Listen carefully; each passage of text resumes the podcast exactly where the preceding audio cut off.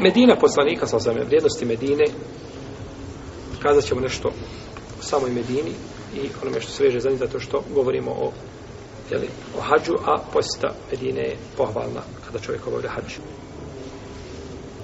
kako došlo u hadisu koga bilježima muslima svome sahihu Rebu Hrire da je poslanik sa osvrame rekao Medina je kao kovački mjehur tjera nečist iz sebe neće nastupiti sudnji dan a da Medina ne otjera iz, znači, iz, iz Medine ne iziđu najgora stvorenja, kao što kovački mjeho čisti primje se željeza. Što se tiče mesčida samog poslanikove sa osvrme džamije,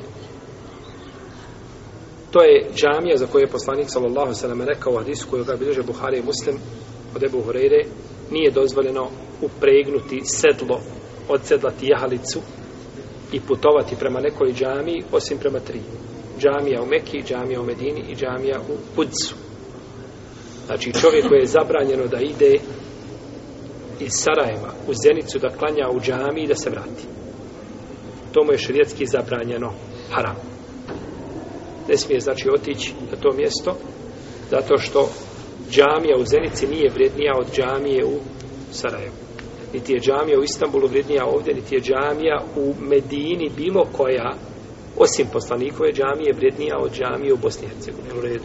Namaz je isti, nikakve razlike nema. A ovaj, ovi mesečani imaju posebnu vrijednost. I došlo je od Abdullaha ibn Zejda da je poslanik Salasaleme rekao, kako bilože Buhare je muslim, ono što je između moje kuće i moga mimbera, to je jedna od dženeckih bašta. Ma bejne bejti o mimberi, između moje kuće i mimbera. A ne kao što neki kazu između moga kabura i mimbera. To je Baltir. A kabur poslanika je gdje? U njegovoj kući. Što smo rekli da je ovo drugo Baltir? Ispravno je kazati kako je rekao poslanik sa ono što je između moje kuće i mimbera je jedna od dženevskih bašća. A batil je kazati ono što je između moga kabura i mimbera je jedna od dženevskih bašća. Gdje je razlika? Kada bi kazali da je od poslanikove sa osrame kuće, onda bismo time olegitimili to što je poslanik sa ukupan gdje i što je džamija obuhvatila. U redu. I da je poslanik sa tražio da bude, iako poslanik sa osrame pa od poslanice okupavaju tamo gdje um presele. No međutim, nije nikada rekao između moga kabura.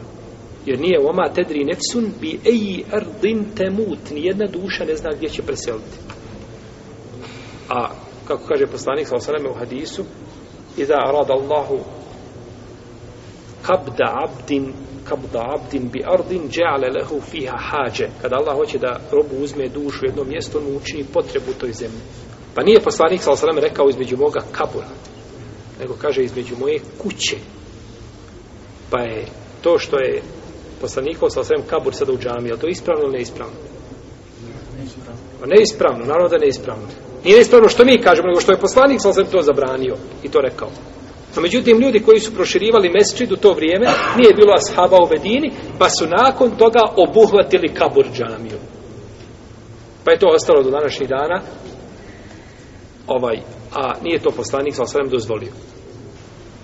Što se tiče edeba ili etike pri zijaretu,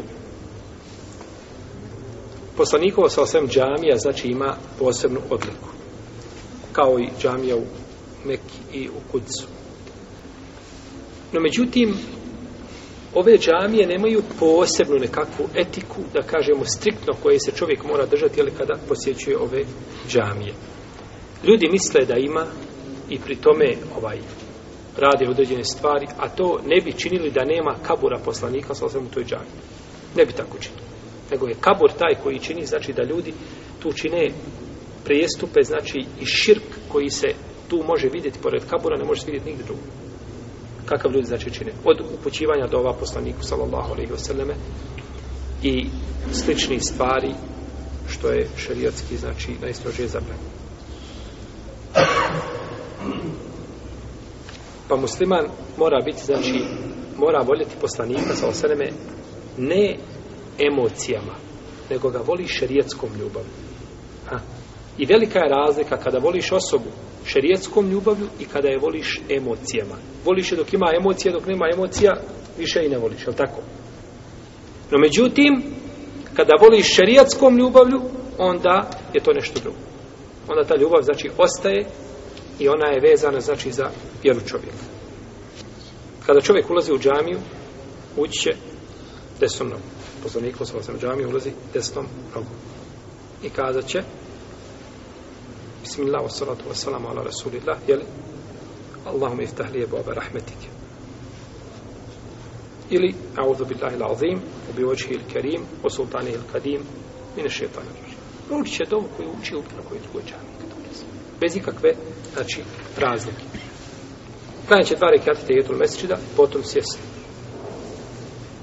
mora se dobro čuvati okretanja prema kaburu u svojim dovama ili u namazu se okreće prema kaburu nema okretanja prema kaburu nego se okreće prema kibli kako jeste kibla može otići do kabura i poslanamiti poslanika sallallahu alejhi ve selleme i proučiti dovu koja se uči kada se dođe do kabura, jeli? A selamun alejkum ja rekao mu mu'minine, entu bi nasabikuna wa nahnu bikum lahiquna insha Allah. Ili druga dova koja se uči ne smeta, no međutim ne smije to a ruka na prsa i obarati glavu, a? Ili da to pokazuje nekakvu poniznost koja se pokazuje pred stvoriteljem te barake. Jeste, čovjek kada dođe u džavidinu, ne treba dizati svoj glas, naravno što u džami ne treba dizati, dizati glas ispoštovanja prema poslaniku sa vasom, jer je njegovo poštivanje živa, tako i mrtva. I Omer je radijallahu anu branio da se to čini i čuo dvojicu ljudi, pa je htio udarati, ali su bili stranci, pa ih je pustio. No, međutim, ne treba poniznost pred kaburom poslanikovim kao poniznost pred Allahom te barake od Ko poslanika volimo ne emotivnom ljubavom, kakvom? Tu je razlika emocijama, kad ga voliš napraviti ćeš hiljadu prestupa zato što te emocije tako tjeruju da bi ti pokazao nekako poštovanje prema njemu. Jel u redu? Pa emocijama ćeš mu učiniti seđdu i ruku mu učiniti. Da tako, nakloniti se toliko da ruku mu učiniš. A to nećeš nikada učiniti kada to činiš šerijatski. Jer šerijatska ljubav se razlikuje od emotivne. I tako će isto pozlamiti Ebu Bekra i Omara radijallahu ta'ala anhumu. Kazali smo nije od adaba da diže glas u džamiji poslanika sallallahu alaihi wasallam i neka gleda čovjek da kad dođe u džamiju da bude što bliže znači prvom safu. Isto tako ne treba čovjek da bude nužno i, i ovaj, da, da, da, da bude brižan da klanja u revodi. Znate šta je revod? Ona je poseban, znači taj revoda što smo govorili da je to dio šta? Džennecki. Što je između poslanikovog kapura i između poslanikove kuće i Čega? I mimber. To je jedna od dženeckih šta? Bašća. To ima poseban tepih, posebne boje. I tu ljudi, kada dođete, tu vam je znači veća gužva, to vam je velike gužva kao crnog kamena. Svako tu deli da klanjam. A ni jednog hadisa nema o posebnoj odlike namaza na tom mjestu. Jeste jedno dženecki bačano, međutim, to dokaz da je bolji namaz na tom mjestu? Nema dokaza. Tako da je ako možeš tu, ako budeš prolazio da klanjaš, slobodno klanjaj, no međutim da se trudiš i, i da, da, da, da tu gubiš znači vrijeme i da druge guraš i da izitiš muslimane, to je neispravo. Isto tako nije od suneta da se čeka da se klanja 40 namaza u Mekki, u Medini uprosti. Što rade, recimo, naše hađije i druge. 8 dana mora tamo bora, 40 vakata mora klanjati tamo, jer je došlo u hadisu, jel, ko bude klanjati 40 vakata, da će mu biti upisana da je čist od, od, od eh, vatre džehennemske i od azaba ili od nifaka. Uđite taj hadis daif, bilježi ga Mahmed u svom posljedu, je daif. Ma dvije mahne u svome lancu prenosilaca. I pored toga ljudi dođu i mora boravi 40 dana, ako ne boravi 40 dana, eto drugi belaje problem. Isto tako nije osunuta čovjek prolazi stalno pored kabura. A, samo malo na kabur, popet u krug, popet u krug. Ne, prođeš, dođeš ramiju, klanjaš, prođeš pod kabura poslanika sa poselama, išli nastavljaš dalje. Znači, nema zaustavljanja, nema stajanja, nema okretanja, nema e, da čovjek pokušava da nešto kaže. Isto tako ljudi neki izlaze iz džamije unazad. Unazad ide iz džamije, izlazi. Je živ bio izađi kako je ulazio poslanik, sa kako je izlazio. I kako dunjaluk ulazi napred, a izlazi ha. Neko, znači izlazi se iz džamije kako se izlazi iz bilo koje druge džamije. Mesečidu Kuba,